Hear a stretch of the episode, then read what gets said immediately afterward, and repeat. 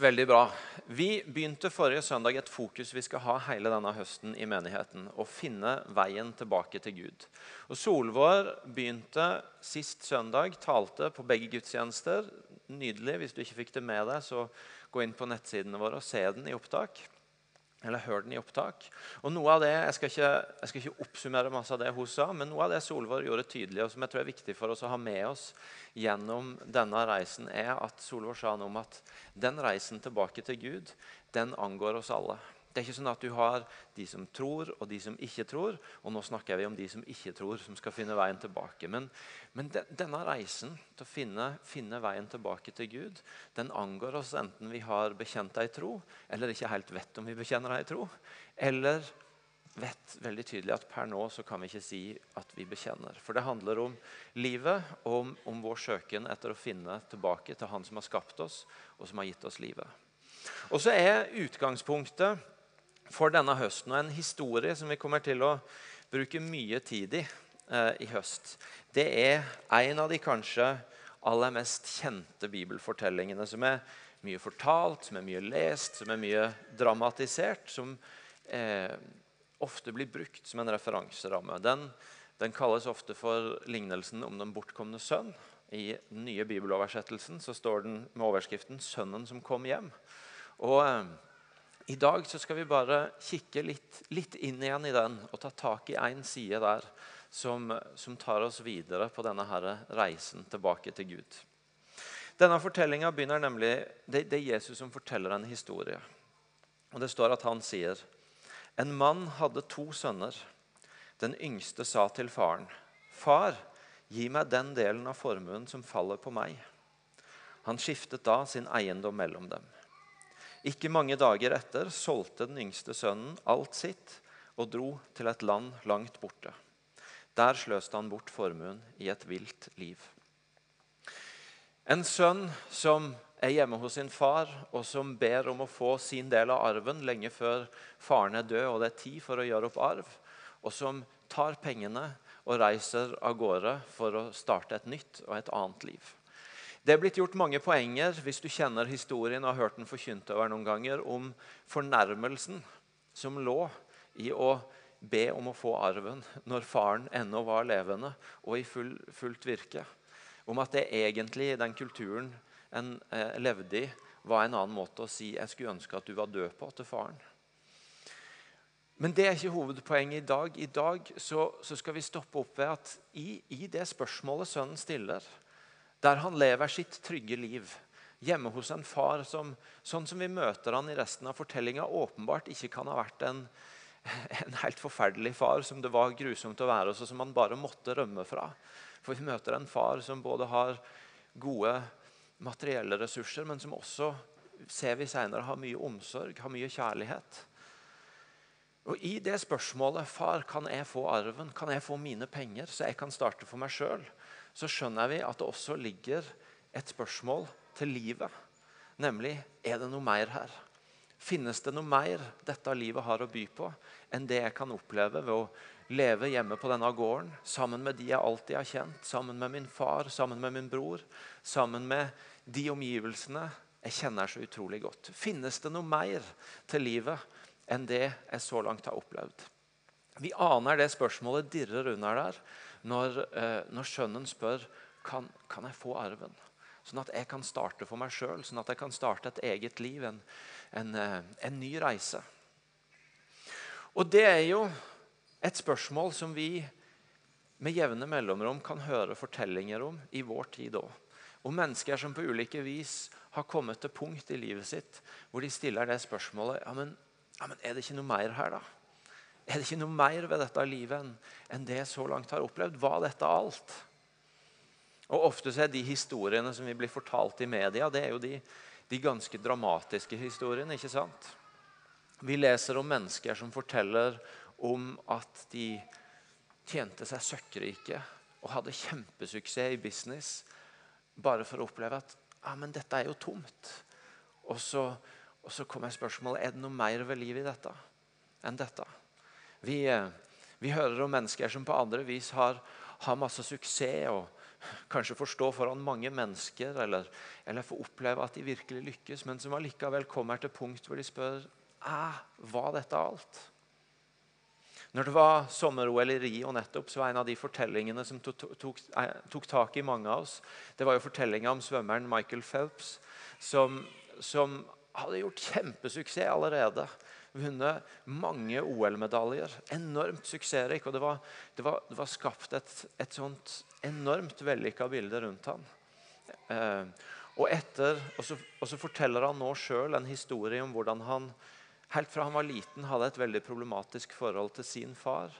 Og hvordan det, det skapte ting i han som gjorde at de som var rundt han, også i karrieren, de måtte håndtere en fyr som, som ofte hadde en del, en del greier ved siden av all suksessen. Men som allikevel fighta på for suksess. Og som vant OL-medalje etter OL-medalje. Helt til han sier sjøl at han etter London-OL i 2010, nei, 2012 kanskje, det er ikke det viktigste i dag, akkurat årstallet, men for fire år siden tror jeg det må være. Eh, eh, opplever at nå er han bare trøtt og kvalm, egentlig. Han sier sjøl jeg, jeg var så lei av det vellykka bildet som var skapt av meg. Og Så bestemmer han seg for å slutte med svømminga. Og så oppdager han når han legger opp at oi, her er det jo mange andre nye muligheter som jeg ikke har, eh, som jeg ikke har prøvd før. Og så, og så, er det ikke sikkert at livet hans var så annerledes egentlig den, den eh, unge mannen vi får høre om i fortellinga i dag. Han forteller at det var mange ting han brukte den nye friheten til. Helt til han en dag er i Las Vegas og han eh, har gambla og han er full. og Så bestemmer han seg likevel for å ut og kjøre. Og Så blir han tatt med 1,4 i promille. Han blir arrestert. Og Han opplever at han finner seg sjøl i et mørkt hull. Og Han sier at han vurderer skal jeg ta livet av meg. Og så er det noen gode venner som hanker han inn, som, får han på, eh, som sørger for at han får hjelp, som får han på rehabilitering. Og så stikker noen til han denne boka 'Målretta liv' av Rick Warren, som spør om hva er egentlig hensikten med livet.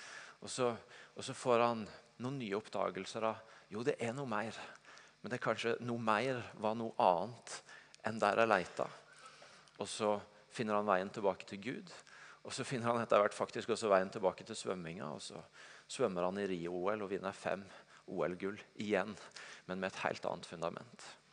Det er historier om de som aldri fikk den tvisten på historien sin, men som allikevel, eh, men som allikevel opplevde at å, dette spørsmålet er det ikke noe mer. Og Det er sånne historier som Michael Phelps, som forteller om ja, men her, her fant de noe mer. Her fikk livet en dreining fordi de stilte det spørsmålet. Og så er sånne historier de er interessante, de er spennende. Og de, eh, i hvert fall jeg stopper opp når jeg får høre de. Jeg lar meg berøre av de. Jeg, eh, jeg blir nysgjerrig av de. Og så kan det kanskje av og til samtidig være sånn at en del av oss også kan tenke litt sånn Det er de. Fordi veldig mange av oss lever jo det vi gjerne liker å omtale som mer vanlige liv enn en søkkrik businessmann eller en merittert idrettsutøver som har OL-gull i fire forskjellige OL. Jeg opplever at livet mitt er hakket mer ordinært enn det. Og kanskje gjør noen av dere det òg. Og da, da, kan det jo av og til også være at vi litt sånn distanserer oss fra den fortellinga om ja, men det må jo være noe mer, mer med livet enn dette. Fordi vi har ikke sittet der med all verdens suksess og følt at vi har oppnådd alt. Og så, og så kom spørsmålet til oss ja, men er det ikke noe mer enn dette. Men, men, mange av oss opplever at hverdagen er mer kanskje gjennomsnittlig enn det. Og allikevel, hvis vi kjenner etter og hvis vi tenker oss om, så tror jeg mange av oss på ulike punkt gjennom livet kjenner på det spørsmålet. Det er ikke sikkert vi setter oss ned og, og stiller det akkurat sånn som disse litt ekstraordinære historiene forteller oss. Men jeg tror ganske mange av oss kan kjenne på det på ulike punkt i livet. En del av dere som er her inne, er som meg, enten er eller har vært småbarnsforeldre. Og, og, Jeg har tre små, fra null til syv. Og Noe av det som virkelig fyller meg med dyp opplevelse av dyp mening og takknemlighet, det er en del av de opplevelsene jeg får ha som pappa til barna mine. Men det er jo også sånn at samtidig som det er en del av virkeligheten, så er det også noen ganger når jeg mikser min, den tusende yoghurten med havregryn i, eller lager rakettfart på disse på en lekeplass jeg overhodet ikke har noe interesse egentlig av å være på, for 500. gang, eller, eller, eller, mens jeg prøver å disiplinere tanken min på å ikke tenke på alle de tinga jeg egentlig har lyst til å ha fokus på, men å bare være til stede her. Så hender det jo at fordi om jeg ikke setter meg ned og føler at jeg er ved en skillevei i livet, og stiller dype spørsmål, at jeg likevel er i kontakt med noe av dette her. Ja, men er dette alt? Er det dette jeg er til for å holde på med? Å mikse yoghurt og gi fart på disse? Um, og, og, og, sånn er det jo for oss. ikke sant? At Veldig mange av oss har ting som fyller livet vårt, som er bra og som gir mening, men som også har en sånn ordinærhet, en gjennomsnittlighet, en hverdagslighet ved seg, ved seg som gjør at noen ganger så kjenner vi bare eh, er alt? Jeg har noen andre drømmer, jeg har noen andre ting jeg lengter etter også. Og det er naturlige ting for de fleste av oss å stille. På ulike måter og på ulike nivå. Denne helga har vi hatt folk fra menigheten på alternativmesse her i Stavanger. En sånn messe for alternativ religiøsitet. Og midt i alt det andre som er der, så har det vært en stand hvor noen sier vi kan be til Gud for deg, og vi kan snakke om tro med deg. Og Noe av det Anne sier, er at de, de møter så mye lengsel så mange som lengter etter andre svar, andre løsninger på ting som, som møter de i livet. Og så vet de ikke helt hvor de skal lete, og de er ikke helt sikre på hvor de finner svarene. Og så har denne gjengen fått både samtale og be med de. Det er masse lengsel. Det er masse spørsmål som har ulike, på ulike nivå stiller spørsmålet er det noe mer. Og så er det kanskje greit for oss å få satt ord på at det er helt naturlig det er noe som egentlig ligger i oss alle fra skapelsen av. At vi lengter etter noe mer. At vi lengter etter å finne tilbake til Han som har skapt oss. At vi lengter etter å finne svar på noen spørsmål. At vi lengter etter å finne hensikt med livet vårt. Den gamle kirkefaderen Augustin han sa du til Gud, du har skapt oss til deg, og vårt hjerte er urolig inntil det finner hvile hos deg. Du har skapt oss til deg, og vårt hjerte er urolig inntil det finner hvile hos deg. Det er naturlig å kjenne lengsel. Det er naturlig å kjenne den herre ah, Det er noe mer. Og Bibelen den er full av historier og språk som vitner om, om lengsel, om at en lengter etter noe. I Salme 42 så sier salmisten Min sjel lengter etter du, Gud. Min sjel lengter etter du, tørster etter deg. Det er, et, det er et språk av lengsel i møte med Gud. Men Romerne 8 sier også at de som kanskje ikke har det språket hvor han sier 'jeg lengter etter Gud', for jeg vet ikke helt om det er Gud han lengter etter, allikevel kan kjenne på det når Romerne 8 sier at vi vet at, vi vet at helt til denne dag så sukker og stønner alt det skapte samstemt, som i fødselsrier. Skriver om, Da han først skrev om den friheten som Guds barn en dag skal få, og så skriver han vi vet at hele skapninga stønner og sukker. At det er en lengsel som ligger inne i hele skaperverket etter noe mer. Jesus han anerkjenner lengselen. I Johannes 1, når han kaller de første disiplene, så, så møter han en gjeng, en, noen, noen, menn som, som, går og følger etter han og, og, og, og, ønsker å få tak på han. Og Så bare spør han rett ut hva leter dere etter. Og det han spør om, er ikke har dere mista noe. Dere, skal jeg hjelpe dere å leite i sanda her? Men det han spør, hva, hva er det dere vil ha tak i? Hva er det dere er ute etter? Han anerkjenner at de har en lengsel. De har noe de er på jakt etter. Han spør hva er det dere tror dere kan finne hos meg. Og så, og så, og så sier de at de lurer på hvor han bor. De, de, lengter etter å få tak i mer av han. Og så inviterer han de til å komme med hjem til seg. I Johannes 7, litt seinere i fortellinga, sier Jesus dere som trenger drikke, kom til meg. Dere som er tørste, kom til meg. Jesus anerkjenner en lengsel etter noe mer, etter noen svar, etter å, etter å finne noe. Det er en klok mann som heter C.S. Lewis, som, som, har sagt noe som jeg, som jeg, tror jeg har sitert her fra talerstolen flere ganger før, og som jeg, som jeg syns setter så bra ord på dette her. Når han sier at i møte med de fortellingene som Bibelen gir oss i evangeliene, så ser det ut som at vår Herre ikke syns at våre lengsler er for sterke, men at de er for svake. Vi er halvhjerta skapninger som roter rundt med drikke, sex og ambisjoner når evig lykke tilbys oss. Vi sier oss altfor lett fornøyde. Våre lengsler som ikke er for sterke, men for svake. Vi sier oss for lett fornøyde. Dette her er spørsmålet. Er det noe mer? Så spørsmålet er ikke om vi lengter etter noe mer. Om vi har dette spørsmålet på et eller annet nivå i oss. Og Spørsmålet er heller ikke om er det rett å stille et sånt spørsmål. Har vi, har vi lov til det? Er det ok eller ikke? Selvsagt er det ok. Det er naturlig. Det ligger i oss. Men spørsmålet er jo hvor tar det spørsmålet oss? Hvor tar den lengselen oss? Hvilken retning får det lov til å sette på livet vårt? Jeg leste Salme 42, hvor salmisten sier, 'Min sjel lengter etter du, Herre'. Men vi leser også Lukas 15, hvor det står om at sønnen brøyte opp og dro til et sted langt borte og brukte opp alle pengene i et vilt liv. Den lengselen vi kan kjenne på, kan ta oss i forskjellige retninger. Den kan ta oss til steder hvor det finnes svar, og den kan ta oss til steder som ikke uten videre gjør oss godt.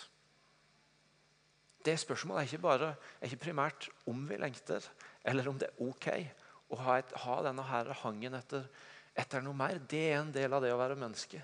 Spørsmålet er hvor leter vi? Hvor søker vi? Hvilken retning får det ta oss? Jeg vet ikke om noen av dere så på Skavlan på, på fredag, men jeg synes det var fascinerende. Han hadde en sekvens der med Aksel Hennie, en utrolig dyktig norsk skuespiller som gjør suksess, og som har fått priser og alt det der. Og så, og så, har de leita fram som de ofte gjør, så graver de litt i historien og fant opp et utrolig festlig bilde av Aksel Hennie som 14-åring. Han så definitivt annerledes ut enn i dag. Og Han drev med tagging, og han hadde blitt tatt av politiet for tagging.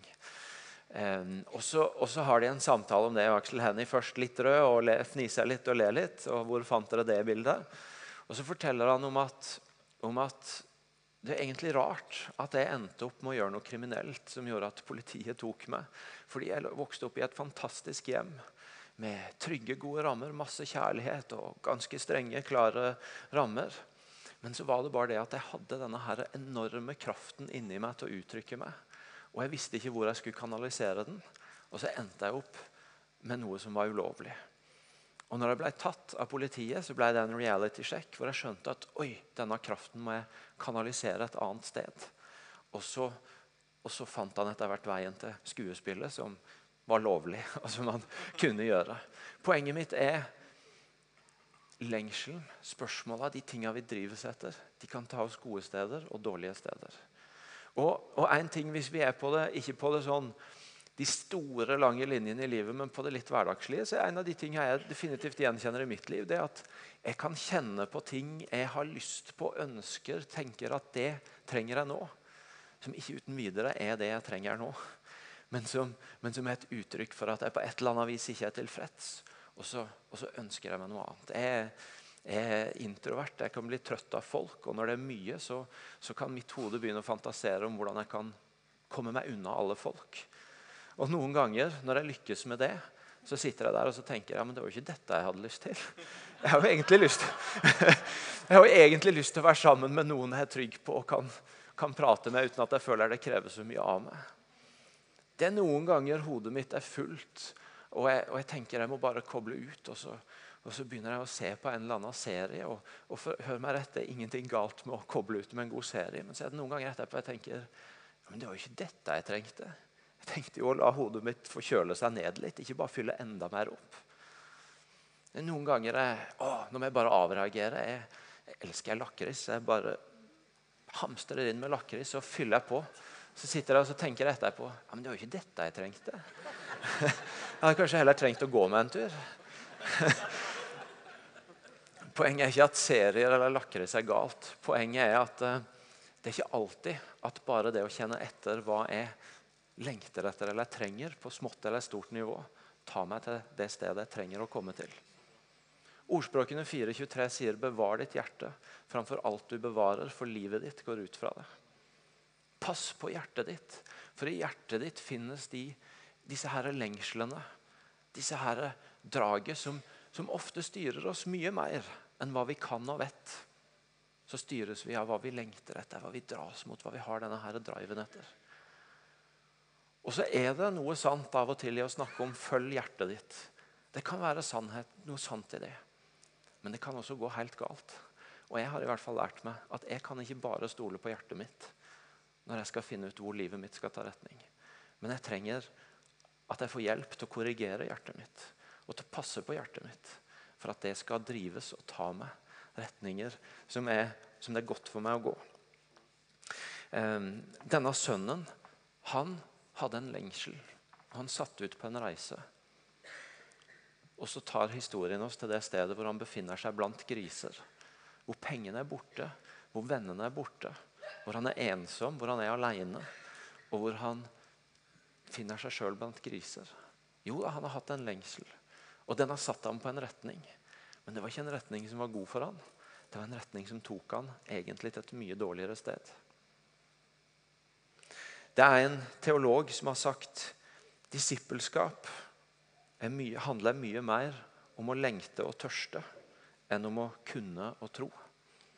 Disippelskap, det å følge Jesus, handler mye mer om retninga på lengselen din og tørsten din, det du, det du sulter etter i livet, enn om all kunnskapen du har, og om hva du kan formulere at du tror.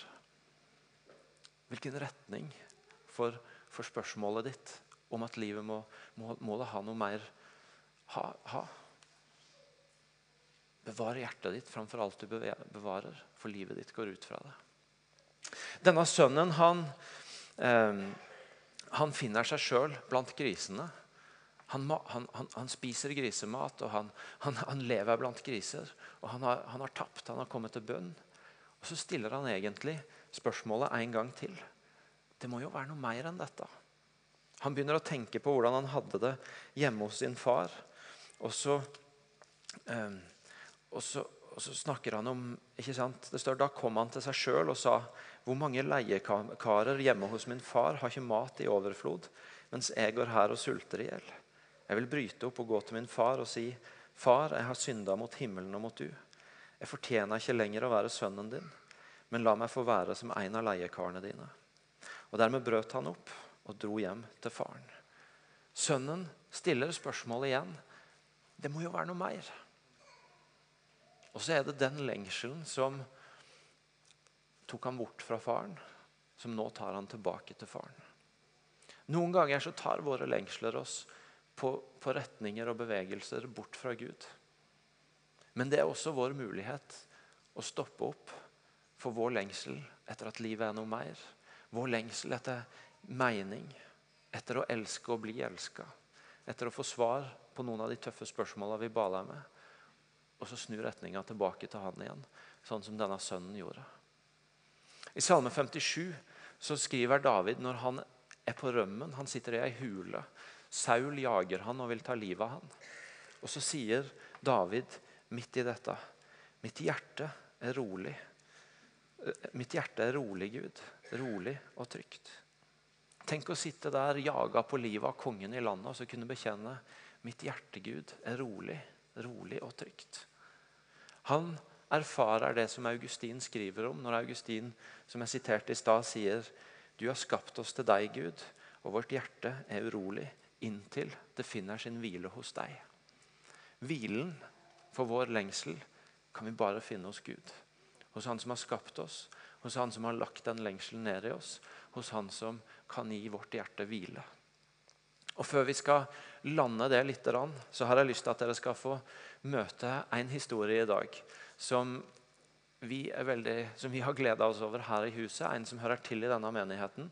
Han er på reise i dag, så han kunne ikke være her i dag. Men vi har han på video fra takkegudstjenesten vår for to år siden. Han heter Sven. Og Det er en historie om en som fikk oppleve at når, når han snudde retning på sine spørsmål på sitt liv, på sin lengsel, så fant han noen andre svar. Ta en kikk på denne videoen.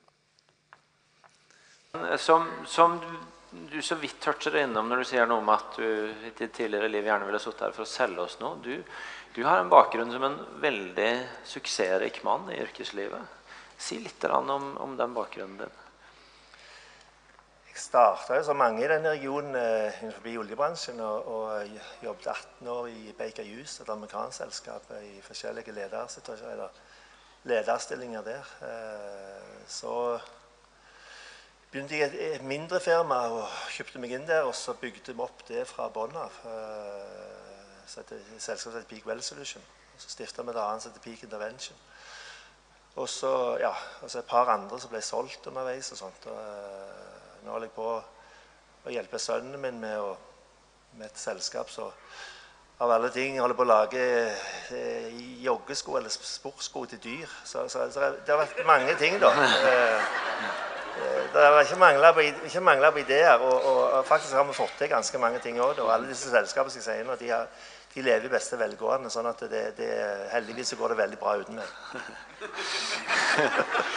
Det er veldig bra, Sven. Eh, men det er jo også sånn, for du har virkelig lykkes. Det var flere som kom til meg etter i formiddag og sa at Sven var jo selve guruen når, når vi begynte i oljebransjen. Eh, når en er høyt oppe, så kan også fallet bli ganske stort. Og du har opplevd at det, det rakna skikkelig. Hva, hva, var det som skjedde? Eh, det var mange ting. Eh, det, det jeg, jeg starta jo yrkeskarrieren min med, med med en del eh, ting i ballast, eller en del i ryggsekken. Jeg eh, kom fra militæret og hadde skader, så jeg gikk på krykker. Og, og, og, så hadde jeg en traumatisert oppvekst, sånn at, jeg, eh, at ble liksom Jeg fikk eh, medisiner den gangen liksom, for å, å, hjelpe mot mye av den frykten og masse sånne greier som jeg hadde da. Eh, og så var det sånn at det skjedde veldig sånn over, over tid. Jeg oppdaget ikke liksom, og fikk ikke det med meg. Liksom, men det oppstod, ble oppstå en avhengighet til disse medisinene som jeg ikke ja, som jeg ikke det, det, bare skjedde liksom over tid. Eh, og i slutten så, så styrte medisinene meg. Eh, og, og, og, det ble liksom svartere og svartere, dette hullet som jeg var, følte jeg var i. da.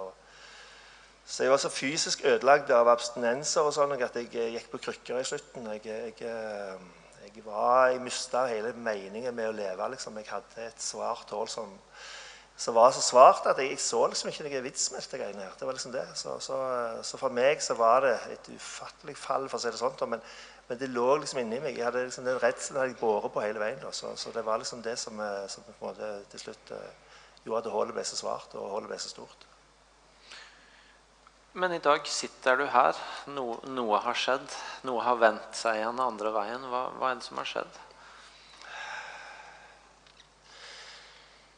Nei, så det er jo For meg så, så, som sagt, så var det en lang vei. For at jeg, jeg, ja, jeg fikk et tegn på at jeg måtte gjøre et eller annet annet enn det jeg gjorde. Så jeg reiste en plass liksom, jeg fikk hjelp til å, på en måte, å, å kvitte meg med, med disse medikamentene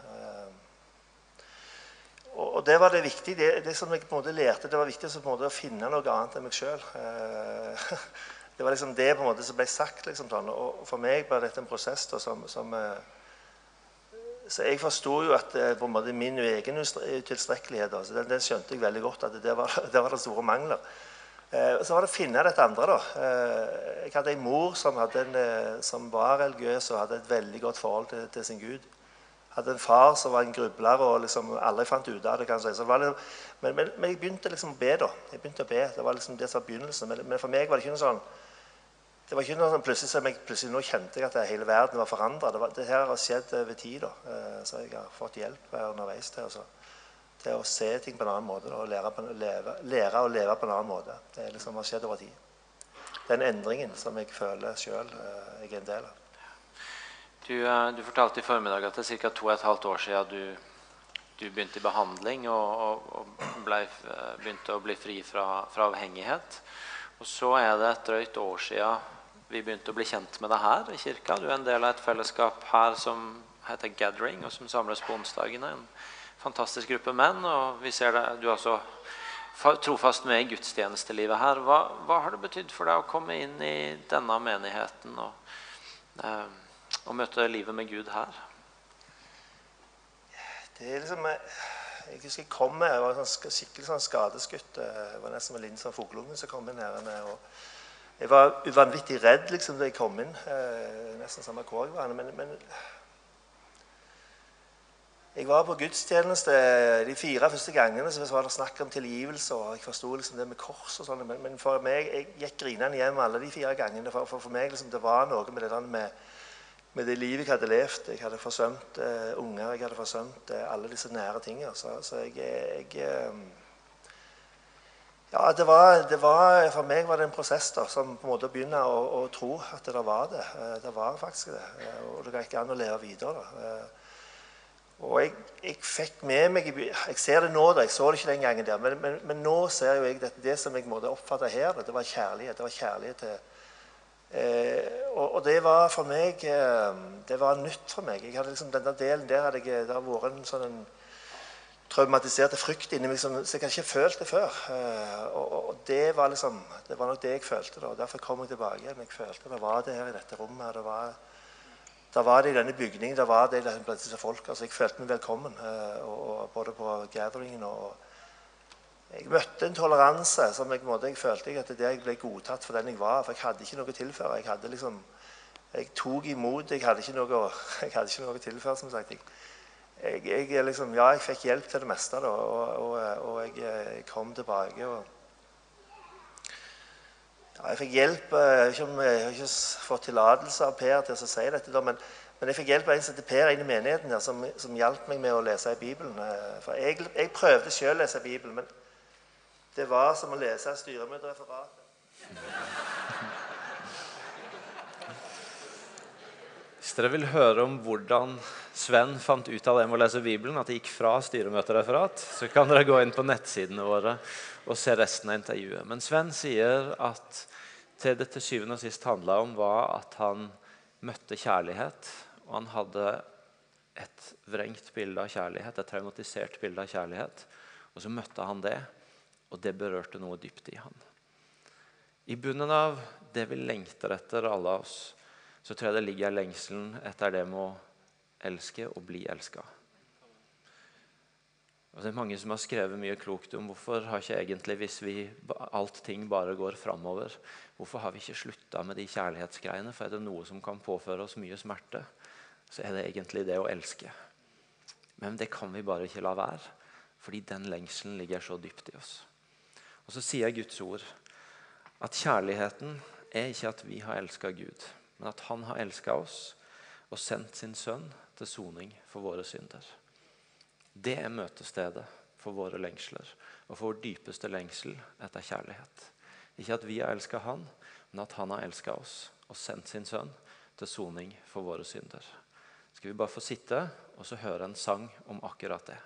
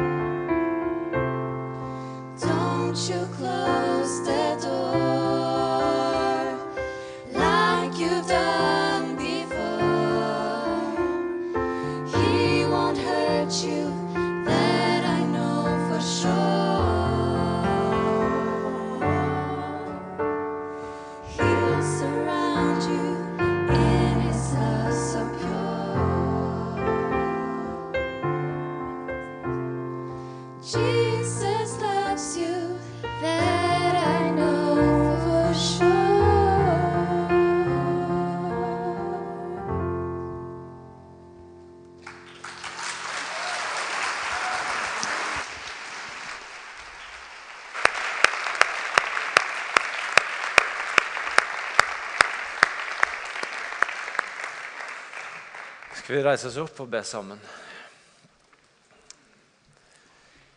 Vi eh, stiller alle spørsmålet på et eller annet nivå om ikke livet har noe mer.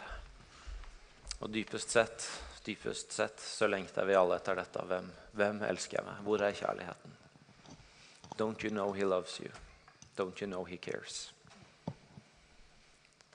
Don't you close the door again? I won't hurt you. Det er invitasjonen som lyder.